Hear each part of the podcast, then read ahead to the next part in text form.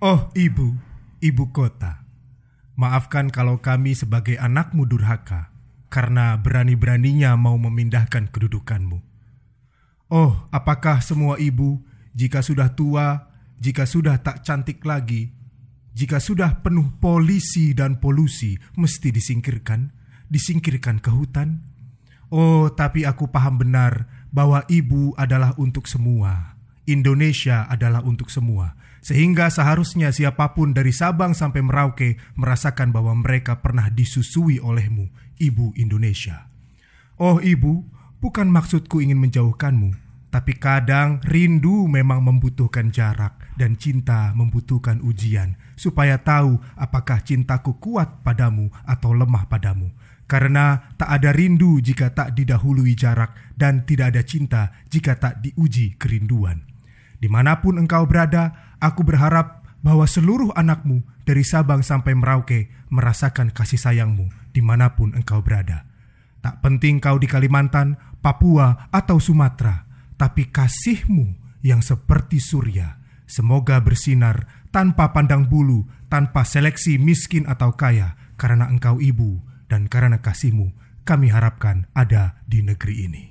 Inilah Authentic.co episode Pindah Ibu Kota Perlukah? Authentic.co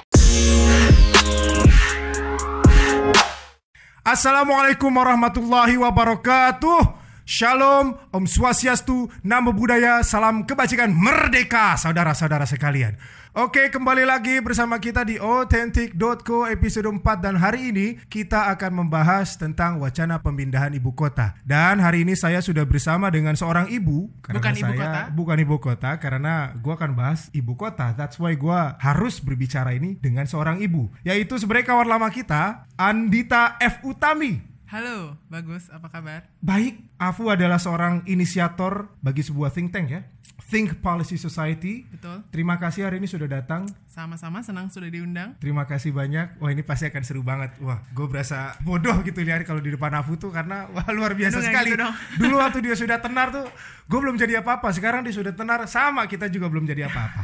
Nggak apa-apa. Oke, hari ini ada sebuah berita yang baru naik di Tirto dan akan berhubungan dengan apa yang kita bahas hari ini. Hari ini kita take jam 12.47 dan menurut situs YouTube-nya Pak Jokowi jam 1 nanti beliau akan mengumumkan sendiri di mana ibu kota itu akan pindahkan. Berarti satu, berarti sudah akan pindah. Tinggal tempatnya saja di mana. Oke, gue izin baca berita dulu ya. Boleh. Oke, dilansir dari Tirto ID, Presiden Jokowi akan umumkan lokasi ibu kota baru Senin siang ini. Presiden Joko Widodo atau Jokowi akan mengumumkan lokasi ibu kota baru yang selama ini sempat disebutkan akan pindah ke Kalimantan pada Senin siang ini. Informasi ini diunggah dalam akun YouTube resmi Sekretariat Presiden dengan judul Upcoming Live. Presiden Jokowi mengumumkan ibu kota baru. Dalam keterangan di channel YouTube Sekretariat Presiden itu disebutkan, Presiden Jokowi akan melakukan konferensi pers terkait pemindahan ibu kota negara di Istana Negara pada Senin 26 Agustus 2019 pada pukul 13 waktu Indonesia Barat. Video yang berdurasi satu menit tersebut menginformasikan bahwa Presiden Jokowi akan mengumumkan secara langsung pemindahan ibu kota ini. Dalam video itu dideskripsikan Presiden Jokowi telah memutuskan untuk memindahkan ibu kota ke Kalimantan meski belum diputuskan lokasi spesifik oleh pemerintah. Menteri Agraria dan Tata Ruang atau ATR dari Badan Pertahanan Nasional, Sofyan Jalil meralat pernyataannya bahwa ibu kota negara pindah ke Provinsi Kalimantan Timur. Sofyan menjelaskan kalau yang benar adalah seperti yang diucapkan Presiden Jokowi di Istana Bogor bahwa lokasi ibu kota masih dalam tahap studi. Pelaksana tugas Direktur Jenderal Otonomi Daerah Kemendagri Akmal Malik mengatakan pemindahan ibu kota akan didahului dengan pembuatan undang-undang baru. Menurut Akmal, pemindahan ibu kota akan menjadi kebijakan eksekutif sehingga perlu dituangkan dalam produk hukum.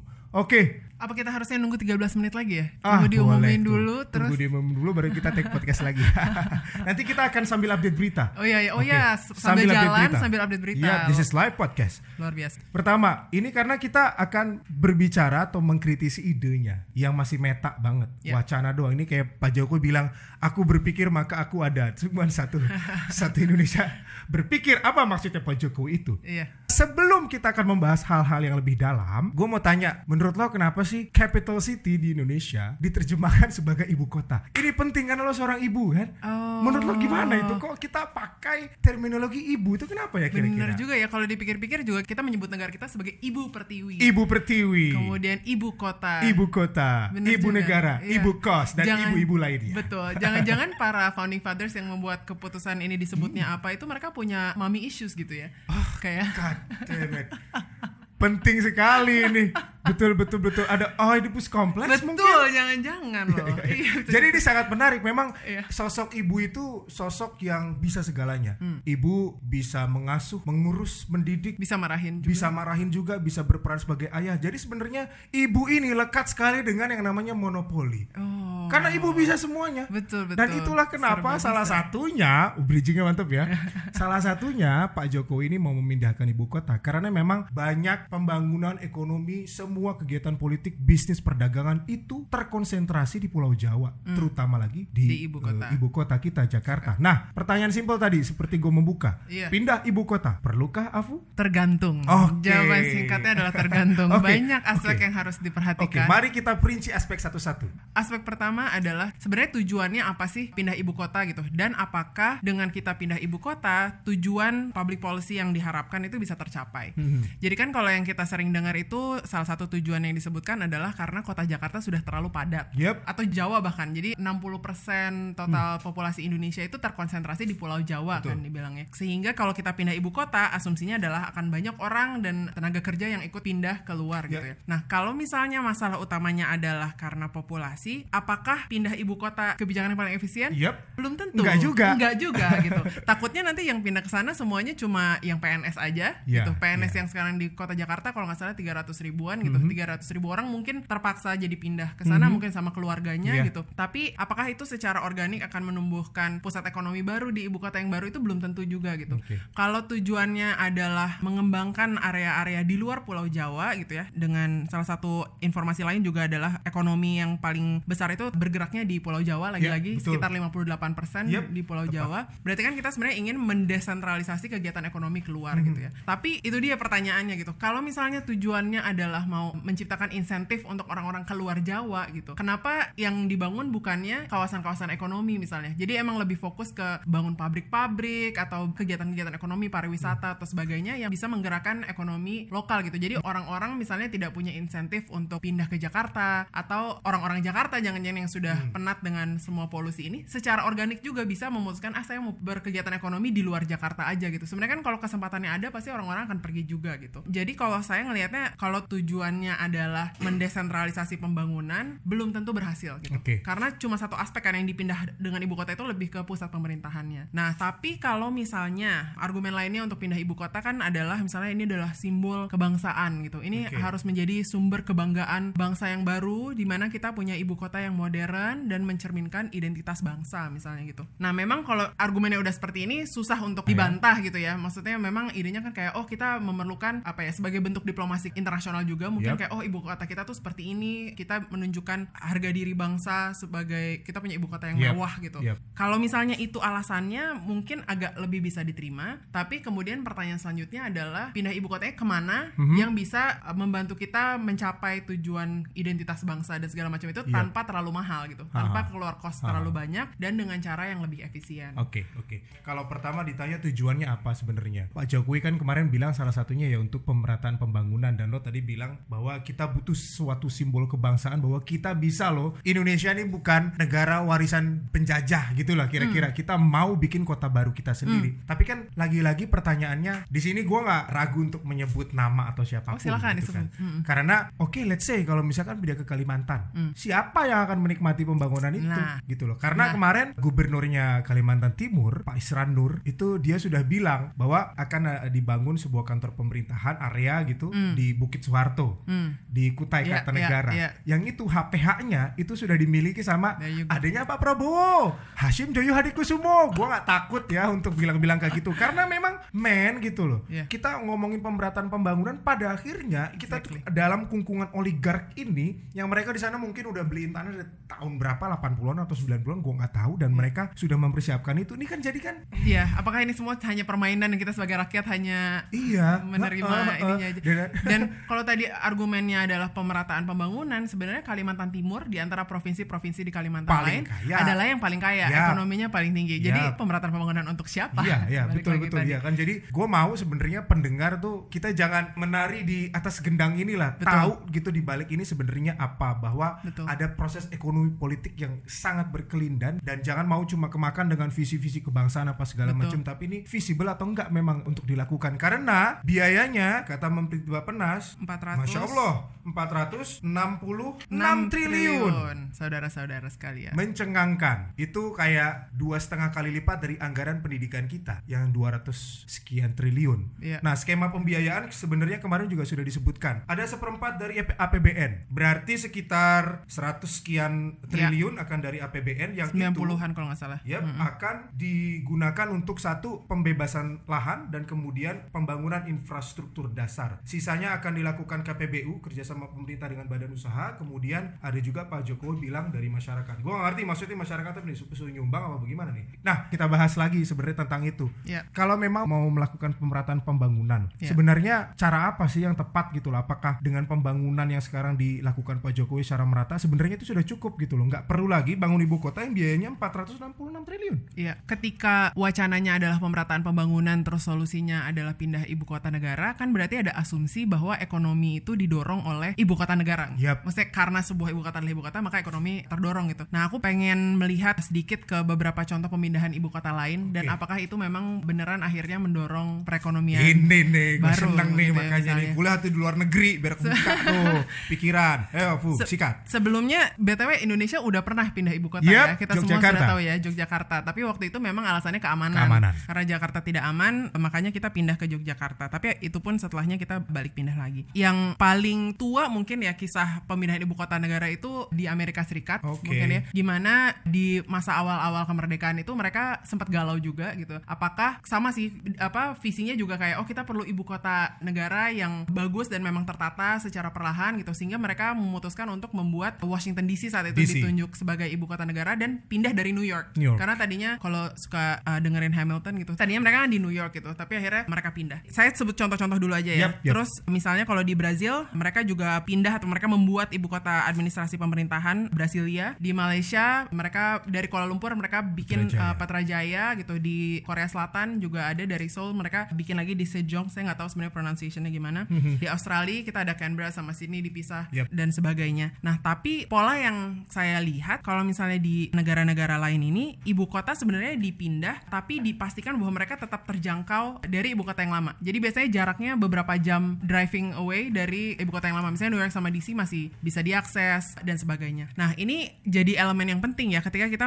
memutuskan untuk pindah ibu kota ke tempat yang jauh gitu ya. Dengan diskursus publik yang dibilang ini tentang desentralisasi lah, ini tentang uh, pembangunan padahal ternyata ada kepemilikan tanah yang bisa diuntungkan di dalam prosesnya gitu. Padahal sebenarnya jangan-jangan pindah ibu kota nggak apa-apa. Kalau memang ternyata daya tampung kota Jakarta ini sudah terlalu berat gitu, memang kita harus memecah Ya. kegiatan bisnis dan kegiatan pemerintahan. Tapi kan kegiatan bisnis dan kegiatan pemerintahan tetap harus terkoneksi ya. Ya, Maksudnya betul. kita harus memastikan efisiensi traveling Iya. karena swasta dan pemerintah ya memang harus banyak bekerja sama Masa gitu. ntar ngurus surat izin usaha ke Kalimantan, dulu.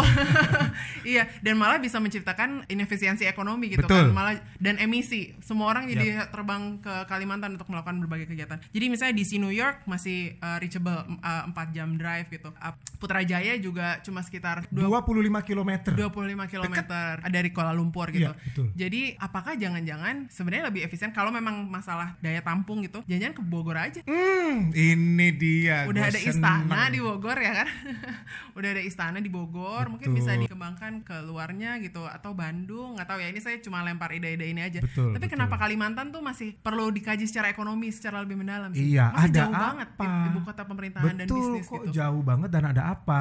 Dan tadi membahas tentang kenapa kita nggak ke Bogor aja. Sebenarnya kan ide itu sudah ada. Kata Prof. Salim Said itu dia bilang 23 September tahun 45 kalau saya tidak salah ya nanti boleh dicek lagi itu Soekarno sudah punya konsep Jakarta Raya sebenarnya yang di situ masuk Tangerang Bekasi dan Bogor dan lain-lain. Itu yang dimaksud dengan Jakarta Raya itu sebenarnya ibu kota. Jadi sebenarnya konsep kita melebarkan ibu kota ke daerah-daerah penyangga itu sudah ada. Bahkan dulu Pak Harto itu sudah memproyeksikan bahwa kota pemerintahan itu akan digeser ke Jonggol. Dan di sana lahan masih sangat luas Iya. harga murah Iya. daripada di Kalimantan Iya. masya Allah itu Masya tanah Allah. gambut lo harus bangun fondasinya lebih mahal pasti dan lebih kuat kenapa kita nggak ke Bogor dan lain-lain aja Iya. nah sebenarnya tadi gue juga mau tanya soal ini Iya. beberapa negara tidak serta merta memindahkan ibu kotanya artinya dipisahkan ada kota dagang Hmm. kemudian ada kota pemerintahan kota administratif gue mau bahas tentang sebenarnya konsep split capital itu itu kan sebenarnya dilakukan oleh Afrika Selatan melakukan itu dia ada Johannesburg sama Cape Town Hmm. Iya. kemudian juga Kuala Lumpur dan Putrajaya Putrajaya. jadi memang urusan-urusan administrasi itu dilakukan di Putrajaya itu hanya 25 km itu kayak dari Depok ke Menteng. Iya. Selesai gitu loh. Lo nggak nggak harus ke Kalimantan gitu kan. ya, Menteng. Iya bener.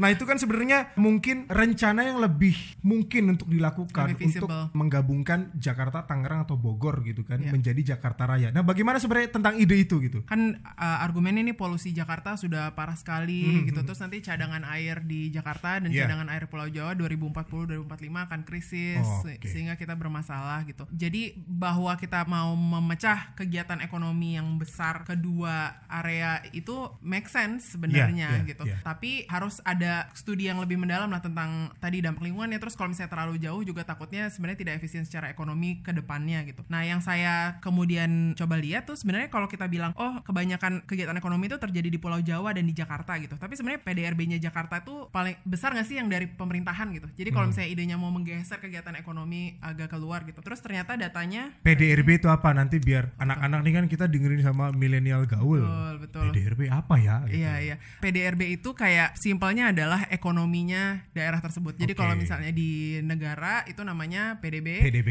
produk domestik Bruto. bruto, versi provinsinya versi atau versi provinsinya. daerahnya Oke, disebutnya PDRB, oke, oke, regional oke. bruto. Regional bruto. Nah, jadi kalau misalnya di Jakarta itu sebenarnya administrasi pemerintahan membentuk sekitar 10% aja dari total ekonomi Oke. Jakarta. Oke. Itu tadi kalau idenya Pemerataan. pemerataan lagi-lagi sebenarnya yang dipindah nih kalau hanya pemerintahnya belum tentu Iya. semua pabrik-pabrik atau kegiatan ekonomi, jasa finansial, Akan ikut. bank-bank, semua yang berpusat di Jakarta belum tentu ikut pindah gitu kan. Iya iya iya. iya. Jadi itu yang perlu dipelajari lebih lanjut sih. Oke. Menurut aku lebih efektif kalau memang lebih ke arah pembangunan kawasan industri dan kawasan ekonomi khusus yang memang selama ini juga sudah dikerjakan oleh Bappenas gitu. Itu Oke. tinggal ditindaklanjuti. Oke. Nah berbicara tadi masalah pemindahan ibu kota yang diasumsikan bahwa akan ikut memajukan ekonomi, industri dan lain-lain. Nah sebenarnya belum tentu. Hmm. Karena tadi Afu bilang sumbangan dari sektor administrasi gitu ya. Hmm, Di pemerintahan. PDRB itu cuma 10%. Jadi kan memang nggak cukup gitu kan.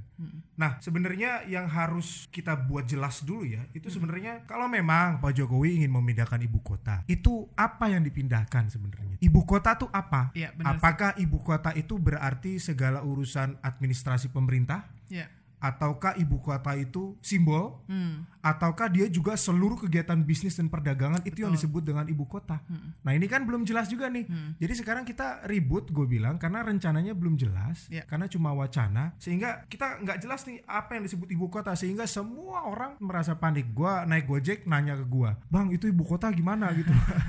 Jadi semua Harus pusing pindah, gitu loh ya. seakan-akan Jakartanya akan dipindahin ke sana. Nah, ini kan sampai sekarang belum jelas apakah hanya kota administrasi. Ya. Nah kalau kota administrasi kan pertanyaan kita kan simpel kan. Kalau gue mau ngurus apa segala macam itu harus ke Kalimantan. Iya, terutama semua misalnya eh, mitra pembangunan juga ya yang banyak bekerja dengan pemerintah gitu untuk misalnya bikin analisis kebijakan publik atau apa. Berarti kan semua mitra pembangunan juga apakah harus pindah juga dan kalau masalah ngurus administrasi sebenarnya itu tergantung juga sih. Kan administrasi harusnya udah masuk ke level RT RW. Maksudnya tergantung mau ngurus surat apa nih. Iya, iya, Tapi iya. kalau lebih ke arah misalnya perizinan yang lebih besar gitu ya. Maksudnya yang ngurus misalnya izin sawit, izin Oh, oh. apa segala macam. Jadi deket sih. Jadi deket Jadi sih. deket deket Kan sih kalau banyak Kalimantan. hutan. Ha, ha, kalau mau buka jadi wah jangan-jangan. Gitu. Nah itu semua hanya spekulasi semata. Tapi tadi yang gue mau bilang juga adalah sebenarnya ketika kota Jakartanya sudah dirasa tidak layak untuk bisnis, karena bisnis memang biasanya efisien ya, tanpa perlu ada kebijakan pindah ibu kota, sebenarnya bisnis pun sudah akan berpikir sendiri bahwa mereka butuh pindah sih. Oke. Maksud aku apa? Jadi misalnya sekarang tuh di BSD udah muncul kan pusat ekonomi bisnis baru. Ini nggak ada yang nyuruh nih, nggak ada kebijakan pemerintah untuk Yap. oh ini harus pindah karena Jakarta terlalu padat. gitu. Secara organik Tapi memang secara organik bisnis, bisnis yang biasanya cerdas dan efisien Melakukan gitu ya. itu. melakukan itu karena oh memang ini udah tidak sehat gitu. Kita pindahin bisnis kita gitu. Dengan kata lain sebenarnya siapa yang mau didorong buat pindah nih? Kenapa perlu kebijakan khusus kayak pindah ibu kota gitu? Ya, Oke oke oke. Ini ini juga menarik karena tadi kita bicara sedikit-sedikit tentang hutan ya kan dan lain-lain. Ini juga menjadi concern Hmm. Betul. bahwa selama ini kita gue dari SD diajarin ya. SD gue ya paling baru lima tahun lalu sih Oh mudah banget ya. bahwa Kalimantan tuh paru-paru dunia. Iya. Wah kita bangga banget dengan itu kan. Itu tropinya lah Indonesia gitu. Kalimantan paru-paru dunia dan lain-lain. Nah sementara dengan asumsi bahwa kita akan melakukan pembangunan di sana, bukan hanya karena kan tadi asumsinya ibu kota akan memajukan ekonomi dan lain-lain, berarti industri akan dibangun apa segala macam di sana. Ini otomatis akan merusak lingkungan. Simpel aja udah. Iya. Merusak habitat lingkungan yang sekarang kan lagi musim nih, bukan lagi musim ya. Ini trennya kecenderungannya kita harus lebih memiliki environmental ethics dalam pembangunan. Beberapa negara bahkan sudah sudah menginisiasi green GDP ya kan dan segala macam. Nah, ini sementara ini di di pusat paru-parunya dunia kita mau bangun itu.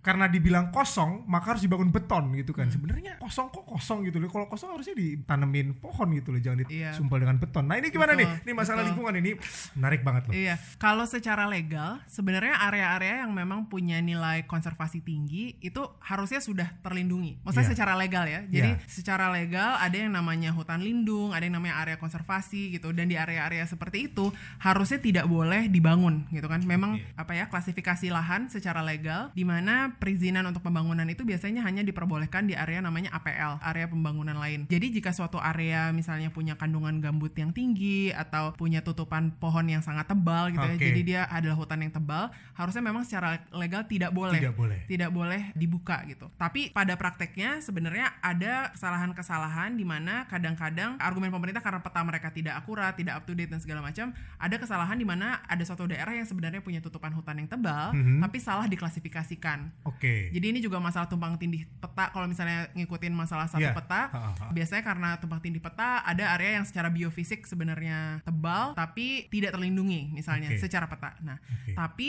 untungnya selama beberapa tahun ke belakang dimulai dari Presiden SBY sampai sekarang Jokowi itu ada kebijakan yang namanya moratorium. Yap. Jadi memang terlepas dari masalah klasifikasi tadi misalnya memang di stop pengeluaran izin untuk area hutan primer dan gambut gitu. Emang sudah di moratorium. Yang saya takutkan, jadi kan moratorium ini yang ngeluarin presiden. Iya. Yang pemindah ibu kota presiden juga. Iya. Kalau presiden mau membuat exception terhadap apa yang dia sendiri buat kan bisa ya. Iya, Maksudnya bisa. presiden tidak bisa mengcancel sesuatu yang DPR buat misalnya. Betul. Tapi kan moratorium ini buatan presiden juga. Iya. Jadi kalau dia tiba-tiba berubah pikiran, oh ternyata lebih murah kalau buka hutan di dalam moratorium ini saya ganti aja, saya tambahin klausul pengecualian di mana kalau untuk pembangunan ibu kota negara di area-area yang harusnya tidak boleh dikembangkan jadi Tidak apa-apa. Jadi tidak Ada apa-apa. eksepsi. Ada eksepsi. Takutnya itu. Oke, ini kan sebenarnya kita bicara tentang keberpihakan. Lain daripada mau dibilang itu sebenarnya bukan hutan lindung, tapi hutan produksi. Karena kemarin Gubernur Kaltimnya bilang seperti itu. Ini ada dispute nih. Menteri Bapenas bilang Bukit Soeharto itu di Kutai Kartanegara itu hutan lindung. Maka nggak akan dibangun di situ. Tapi Iya. kemudian Gubernur Kaltim Pak Isran Nur bilang enggak itu hutan produksi. Nah ini kan juga Iya. ada dispute. Iya. Terlepas daripada itu hutan produksi kek, itu hutan lindung kek, tapi ini masalah keberpihakan sebenarnya. Ini mau dibangun kota macam apa gitu Iya. loh. Nah, yang jadi pertanyaan challenge kan begini. Kalau ada orang kritik, oh Kalimantan dibangun, terus kemudian nanti lingkungan akan rusak. Pak Jokowi dalam sebuah wawancara dengan TV One bilang, ya gimana caranya kita justru tantangan nih bikin kota yang maju, yang smart dan sustainable gitu loh. Jadi jangan pikirin dulu buruknya gitu loh. Tapi kita harus gimana caranya buktikan pada dunia bahwa kita bikin bisa bikin s- smart city yang sustainable. Nah, ini gimana nih? Ini kan another side of the coin gitu loh. Iya, sebenarnya sih kan kita semua tergantung baseline-nya apa gitu. Dalam arti kalau tidak dijadikan ibu kota, area lahan itu akan jadi apa sebenarnya gitu Oke, kan. oke. Jadi dalam arti misalnya Jokowi bilang, "Oh, kita bisa bangun dengan pendekatan yang sustainable dengan memperhatikan ruang terbuka hijau dengan desain yang udah ada tuh gambar desainnya. Iya, udah iya. lihat belum? Ada orang pakai jas terus naik sepeda. Lihat nggak? Belum sih. Itu belum, belum. agak ini ya.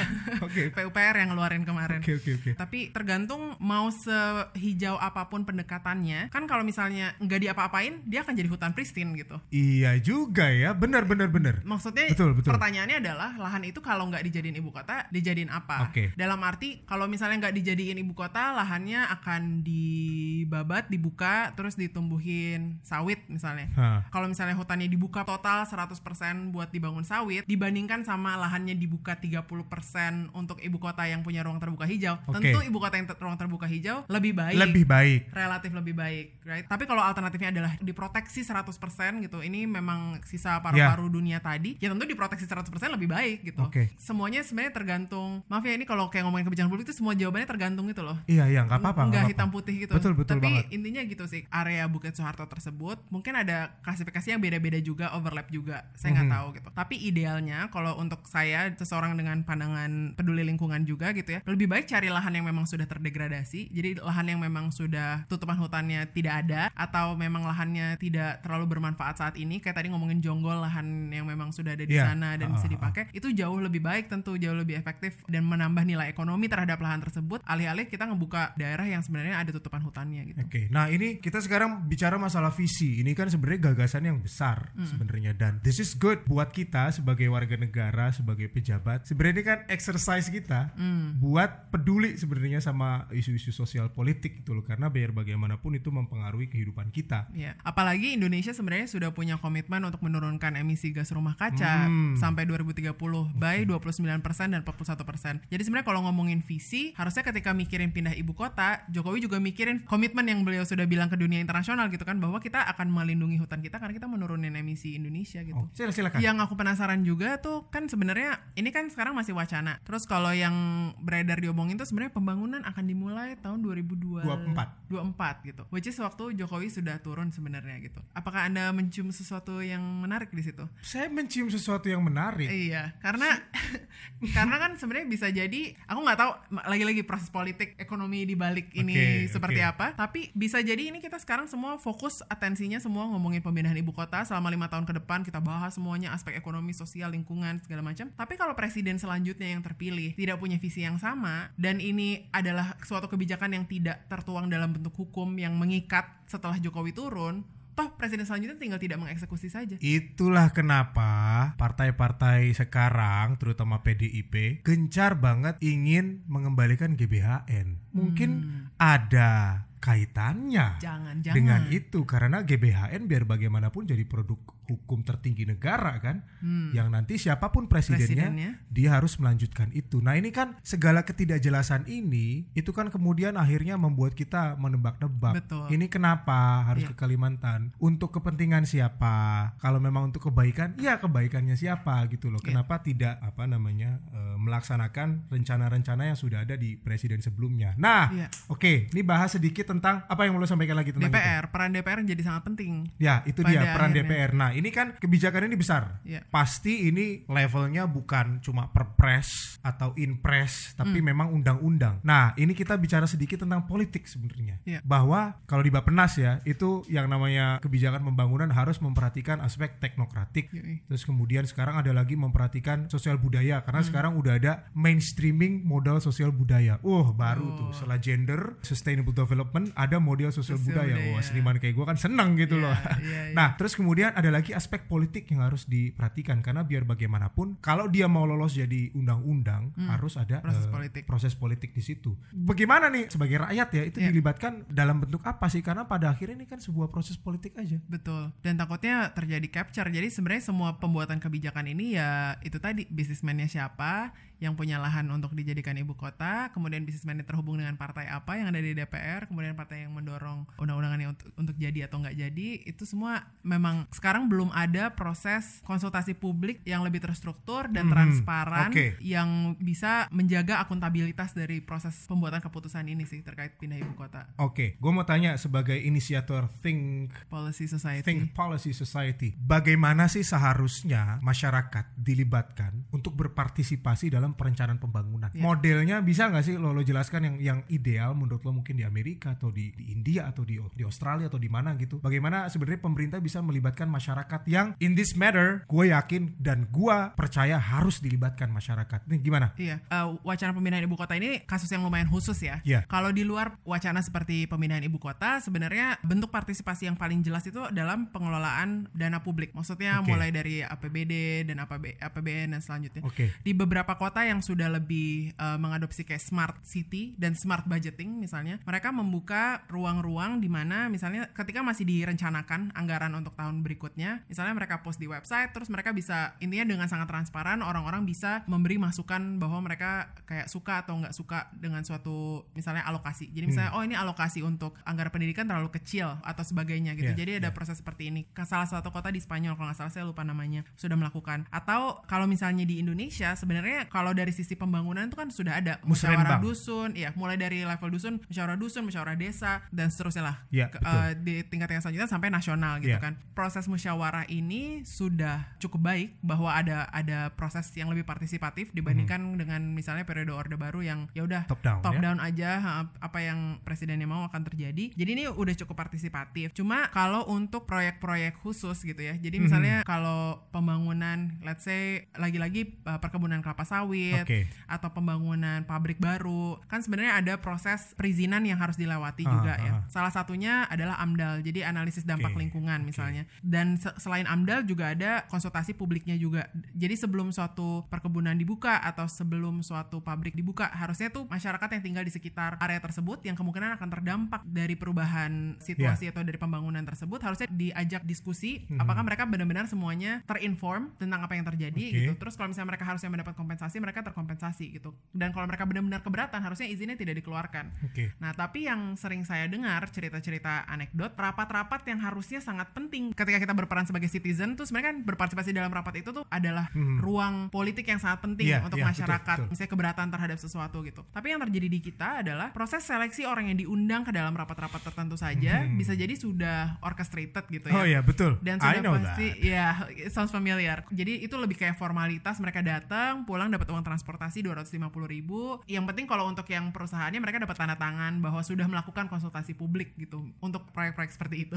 Apakah regulasinya ada di Indonesia? Ada. banget sempurna. Oh kita udah Iya, paling iya, iya, lengkap iya, gitu. iya. Mau- jadi sebelum bangun itu harus ada AMDAL harus ada konsultasi apa semua segala macam. Tapi apakah pada implementasinya ada enforcement dan ada sistem akuntabilitas yang baik yang membuat orang benar-benar takut dan melakukan konsultasi itu dengan serius? Belum. Kalau mau optimis gitu ya belum. Jadi kalau dihubungkan dengan pemindahan ibu kota misalnya itu kayak proses pembangunan suatu wilayah Iya. on steroid gitu ya. Jadi kalau orang biasanya bangun satu pabrik terus harus ada proses AMDAL dan apa segala macam ini tuh kita akan melakukan proses yang sama tapi at scale gitu kan. Mhm. pada skala besar dan akan ada banyak pembebasan lahan terus lagi-lagi konsultasi publik yang harusnya terjadi. Dan karena pemindahan ibu kota kan tadi yang diajak konsultasi publik biasanya harusnya yang terdampak tapi kan kalau pindah ibu kota yang terdampak bukan yang tinggal di kalau tadi di Bukit Soeharto bukan yang di sekitar Bukit Soeharto aja tapi kita masyarakat Semuanya. secara Iya. secara nasional gitu jadi penting untuk kayak mekanisme-mekanisme yang udah ada jadi misalnya anggota DPR harusnya kan mereka juga sudah punya mekanisme untuk mengakses konstituen mereka dan menyerap Iya. aspirasi konstituen Betul, itu betul. satu satu channel tuh kalau misalnya dijalankan dengan baik kalau Ah. misalnya masa riset tuh mereka beneran ngobrol dan menyerap aspirasi konstituen Hmm. terus proses lain kalau yang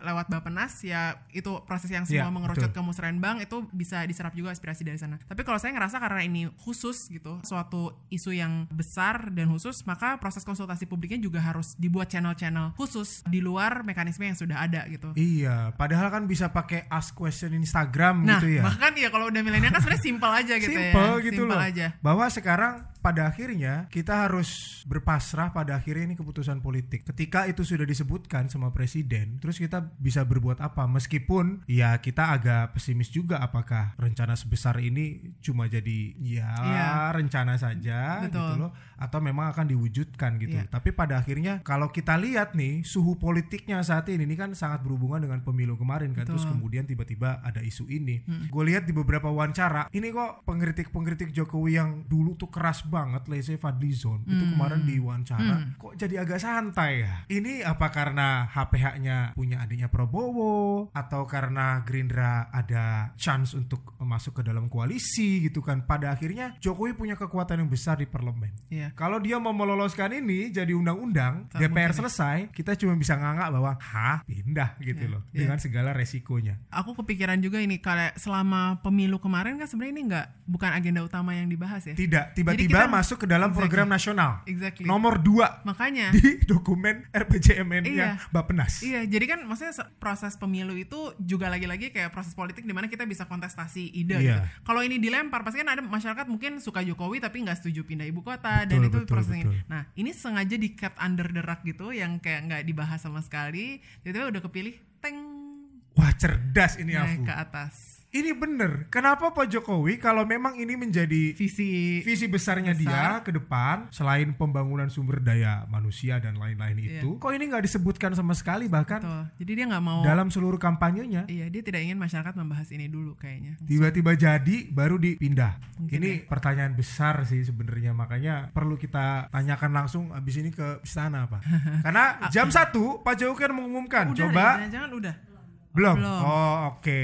Belum. Apa apa yang bisa kita lakukan sebenarnya kalau misalkan lo setuju ataupun lo nggak setuju sebagai citizen, sebagai Hmm. milenial, rakyat atau apa pun lah untuk mempengaruhi kebijakan politik sebenarnya. Yang gue sangat takutkan sebenarnya adalah nanti kotanya dibuat gitu, maksudnya ibu kotanya dipindah, terus udah ada kotanya, tapi dia jadi kota mati karena sebenarnya nggak efisien. Jadi jangan-jangan banyak orang yang harusnya pindah ke ibu kota baru tetap stay di Jakarta and so on. Karena ada banyak banget secara internasional gitu ya, contoh kota-kota buatan yang Ini. dipaksakan. Aku bukan orang urban planning sih, jadi mungkin ada banyak yang lebih paham lagi. Tapi kalau di Cina tuh biasanya banyak kota-kota baru yang dibuat sebagai pusat-pusat ekonomi baru. Tapi karena tumbuhnya tidak organik, maka orang juga sebenarnya malas pindah. terus masih kan ada risk untuk pindah uh, secara value property, secara apa Iya, semua kan ada banyak resiko spekulasi apa gitu ya. Jadi orang nggak ikut pindah dan akhirnya kota-kotanya udah keluarin triliunan dibangun kayak kalau di Cina gitu, akhirnya nggak ada yang tinggal di situ juga gitu. Itu salah satu yang kepikiran. Maksudnya gimana caranya untuk benar-benar memastikan kalau memang kita pindah, memang ada kegiatan atau Iya. apa ya insentif untuk orang pindah ke sana juga gitu dan Iya, iya. tadi mendorong ini ekonomi. Nah iya.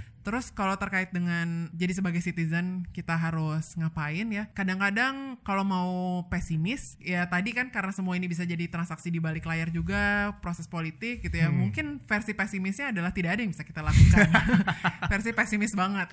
Tapi Oke. kalau versi agak optimis sebenarnya saya melihatnya to some extent pemerintah pasti masih peduli dengan pendapat rakyatnya apalagi kalau ekstrim nggak setuju gitu. Maksudnya kalau misalnya memang kita benar-benar merasa dampaknya bisa sangat negatif atau paling tidak kalau mau pindah memastikan bahwa itu di area yang nilai konservasinya tidak tinggi supaya tidak merusak paru-paru dunia Yap. tadi, kita harus menggaungkan dalam skala yang benar-benar besar dan signifikan gitu. Hmm. Maksudnya ini satu podcast bisa jadi memulai gitu, tapi kita perlu yang benar-benar masif gitu ya bahwa rakyat secara nasional peduli sama isu ini dan kita nggak mau bahwa pindah ibu kota ini malah berujung ke perusakan lingkungan dan juga ya resiko-resiko sosioekonomi lainnya Iya, gitu. iya betul betul sekali. Ya, lagi-lagi lewat bahwa media media mainstream, lewat diskusi-diskusi publik gitu. Ini bisa diangkat terus isunya supaya kalau memang concern-concern kita yang penting banget ini tuh bisa mulai tercapture lah sampai ke atas. Itulah kenapa kemarin kita bahas Netflix supaya orang-orang nih paham bahwa kalau lo bengong ada lo keputusan politik yang bisa Betul. mengganggu weekend lo. Netflix nanti tiba-tiba disensor. Hmm. apa segala macam sama KPI. Nah itu kan lumayan rada gak jelas ya. Iya. Nah gue mau bahas gini. Tadi ada beberapa contoh sebenarnya kota yang jadi kota mati. Gue dapat info soalnya kebetulan gue juga pernah ke Canberra gitu ya. Hmm. Itu dia di weekend itu dia jadi kota mati tuh. Jadi memang apa yang dibayangkan sebagai sebuah ibu kota tidak terjadi di sana Iya. gitu loh. Nggak ramai nggak apa terutama di weekend gitu. Itu kan juga harus menjadi pertimbangan juga kalau misalkan harus memindahkan. Pak JK kan bilang akan memindahkan 1 sampai 1,5 juta PNS ke sana. Itu bukan cuma masalah mindahin orang gitu loh. Dia pertama gimana sih lo biasa tinggal di Jakarta terus disuruh ke Kalimantan ada Iya. faktor psikologi. Hah, Kalimantan? Gue masih apa? Gue lahir di sini, saudara gue di sini apa segala macam. Masalah perumahan juga perlu dipikirkan. Iya. Housing itu gimana Iya. apa segala macam Iya. gitu loh. Ini bukan berarti oh ini kok pesimis banget bukan, bukan, bukan itu. Tapi kalau memang urusannya cuma memindahkan ibu kota kota administratif, kenapa jauh-jauh banget? Kan itu lagi-lagi. Hmm. Macam apa sih kota yang diinginkan? Karena se ekstrim ekstrimnya New York ke DC berapa lama? 4 jam. That's it, 4 jam. Nye- itu juga nyetir, Nyetir Nah, darat, kalau kan? pesawat lebih cepat lagi. Nah, iya ini kok sampai ke Kalimantan. banget. Inilah yang membuat kita banyak bertanya tentang apa sih motif-motif di Balik. balik ini. Tuh. Tadi yang terkait dengan kota mati. Yap, Biasanya tuh kotanya akhirnya jadi mati kayak di Canberra akhirnya tidak hidup gitu kan karena kotanya difungsikan tapi sebenarnya tidak terjadi secara organik gitu. Maksudnya orang datang ke Itu situ terpaksa. Kenapa sih Jakarta misalnya jadi ibu kota negara dan selama ini memang kayak pertumbuhan dan aktivitas ekonomi maupun pemerintahan terjadi di Jakarta gitu ya. Secara sejarahnya memang semua proses perdagangan, terus Iya. proses pemerintahan awal VOC Hindia Belanda itu semua terjadi di awal maksudnya di Jakarta kan Iya. gitu. Jadi bahwa Jakarta sekarang tumbuh ke area-area sekitarnya dan kemudian area penyangga juga sekarang akhirnya menjadi misalnya tempat tinggal orang-orang yang tinggal di Jakarta dan sebagainya itu kan terjadi secara Secara- sangat yap, organik betul. gitu. Kalau kita mau lagi-lagi kayak memindahkan ini gitu, gimana caranya supaya sebelum kotanya dipindahin, sebelum ibu kotanya dengan definisi yang juga belum jelas kayak tadi bagus bilang, gimana caranya si lokasi di sananya juga memang sudah punya kesiapan sosio ekonomi politik lingkungan Betul, mungkin sehingga betul. pemindahan ini bisa terjadi secara smooth dan relatif organik. Dan ngomongin sejarah lagi, kayak misalnya kenapa Jogja saat itu yang dipilih jadi ibu Iya. kota dan kenapa it works gitu. Kenapa at that time it works. Jadi pindah ibu kota itu terjadi enam bulan setelah proklamasi. betul. Dalam periode enam bulan itu kan sebenarnya masih banyak proses-proses secara politik ya. Kan ini Soekarno yang mendeklarasikan kemerdekaan gitu. Tapi Yogyakarta dan sultannya pada saat itu termasuk kota yang secara politik sudah mendeklarasikan mau jadi bagian dari Iya, negara Republik betul. Indonesia sejak awal. Jadi secara politik memang sudah ada kedekatan tersebut dan secara keamanan pun cara apa namanya ya jadi politik keamanan itu mereka punya aset atau apa namanya ya, perlindungan cukup baik di kotanya gitu untuk karena kan tadi tujuannya untuk mencegah sekutu dan nikah untuk masuk gitu. Jadi ada alasan yang masuk akal gitu loh. Oh, Jogja itu siap. Nah, kalau kita memilih suatu tempat yang entah di mana dan benar-benar masih kosong banget dibuka dari awal, nah resiko untuk itu kota matinya takutnya lebih besar. Pilihan-pilihan seperti Jonggol atau Bogor yang secara organik memang sudah mulai ada kegiatan-kegiatan Iya. ekonomi, secara lahan memang sudah sudah masuk akal itu jadinya lebih visible sebenarnya dan lebih rasional untuk Iya, iya, iya. dijadikan iya. opsi. Dan ini memang keseriusan daripada pemerintah untuk benar-benar melakukan pemindahan ibu kota ini bisa kita lihat dari RP, RAPBN 2020 yang sampai sekarang belum memasukkan sama sekali poin tentang Hmm. Belum sama pemindahan sekali. belum. Padahal 90 triliun tadi ya yang Iya. harusnya. Iya. Masuk. Dan memang kan dilakukan secara bertahap kata Menteri Hmm. Bappenas Pak Bambang Brojonegoro dan dimulai tahun 2024. Tapi memang dalam RAPBN 2020 Menteri Keuangan Sri Mulyani juga sudah mengatakan tidak ada poin sama sekali yang membahas tentang pemindahan ibu kota. Hmm. Jadi entah wacana ini tiba-tiba ada terus kemudian bahkan secara politik anggaran juga nggak ada. Nah, Belum. jadi apa follow up-nya sebenarnya dari ucapan itu? Iya. Karena memang secara anggaran tidak dibicarakan sama sekali gitu. Nah, ini kan menjadi pertanyaan kita juga bahwa where are you taking us Mr. President? Nah, kira-kira begitu. Pengumuman baru saja masuk. Oke, berita baru beberapa detik lalu dilansir oleh CNN. Gua akan bacakan. Presiden Joko Widodo menyatakan lokasi ibu kota baru terletak di Kalimantan Timur, tepatnya di dua kabupaten, yaitu Kutai Kartanegara dan Penajam Pasir Utara. Hmm, sudah kuduga. Pemindahan ibu kota negara ini dilakukan setelah melakukan kajian yang matang. Lokasi ibu kota yang baru yang paling ideal adalah di Kabupaten Penajam Pasir Utara dan sebagian Kabupaten Kutai Kartanegara di Kalimantan Timur, kata Jokowi. Dalam menyampaikan lokasi ibu kota baru, Jokowi turut didampingi oleh Wakil Presiden Yusuf Kala, Menteri Dalam Negeri Cahyo Kumolo, Menteri PUPR Basuki Hadi Mulyono, Kepala Bappenas Bambang Brojonegoro, dan Kepala BPN Sofyan Jalil, Menteri Lingkungan Hidup dan Kehutanan Siti Nurbaya, serta Gubernur Jakarta Anies Baswedan dan Gubernur Kalimantan Timur Isran Nur. Fu, it's happening. Kalimantan Timur Kalimantan Timur sesuai dengan apa yang dari tadi tadi kita bicarakan, bicarakan. di Kutai Kartanegara dan Penajam Pasir Utara. Ya udah, ya udah. barusan kita itu Bukit Saharto di, di situ itu juga. di situ. itu situ. di uh, di Oh. Kabupaten Kutai Kartanegaranya itu. Oh gitu. Jadi Untung ya, jadi 50 menit ke belakang kita nggak sia-sia, bener. Maksudnya kita ngomonginnya Betul. dalam dalam skenario Betul. Kalimantan Timur kan, jadi betul. betul. S- Agak-agak speechless ya karena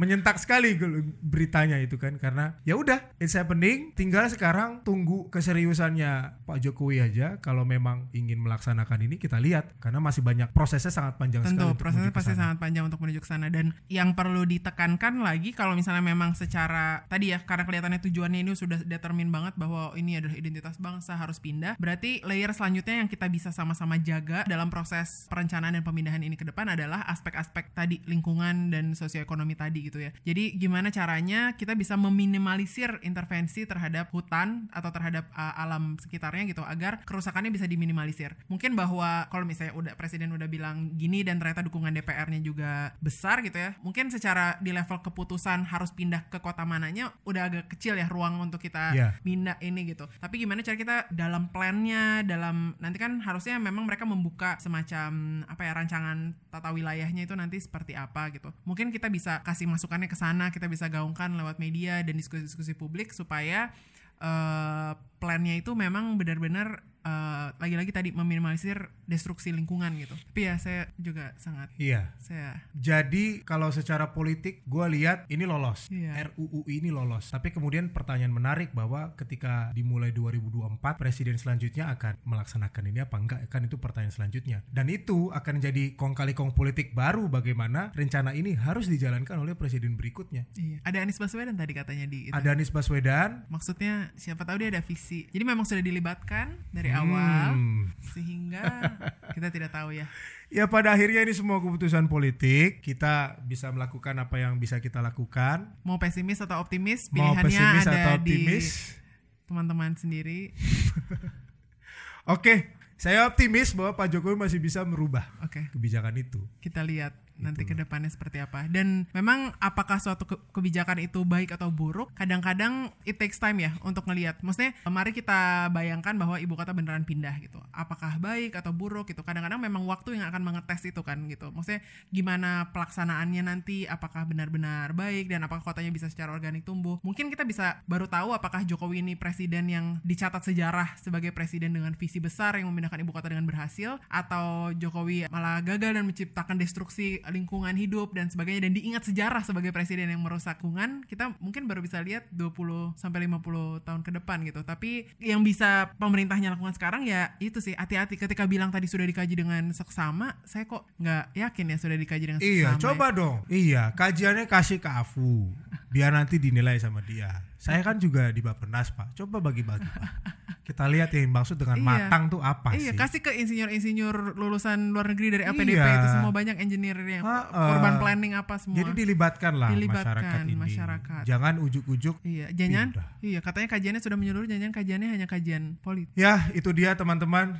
Inilah eh, negara di mana kita hidup. Ada berita-berita mengejutkan yang dihasilkan oleh keputusan politik dan ya kita harus melakukan apa yang kita bisa lakukan gitu loh. Maka salah satunya otentik membuat podcast ini ya untuk sebenarnya meningkatkan awareness. Dari situ lo bisa tahu bahwa oh gua harus berpartisipasi ya gitu karena ini juga menyangkut kepentingan gua. Terakhir, kalau lo pasti jawabannya tergantung perlu atau tidak Belum perlu. belum perlu. Kalau saya perlu tapi jangan Kalimantan.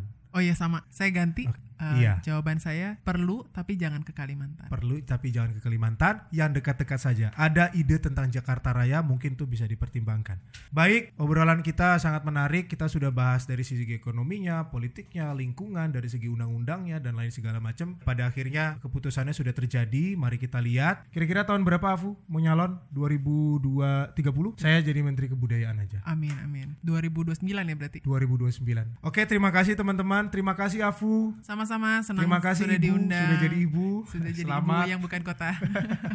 Terima kasih kita berjumpa lagi di podcast Authentic selanjutnya di mana kita bisa ngobrolin isu-isu sosial politik dengan unik, menarik, menggelitik, tanpa intrik dan tentunya otentik.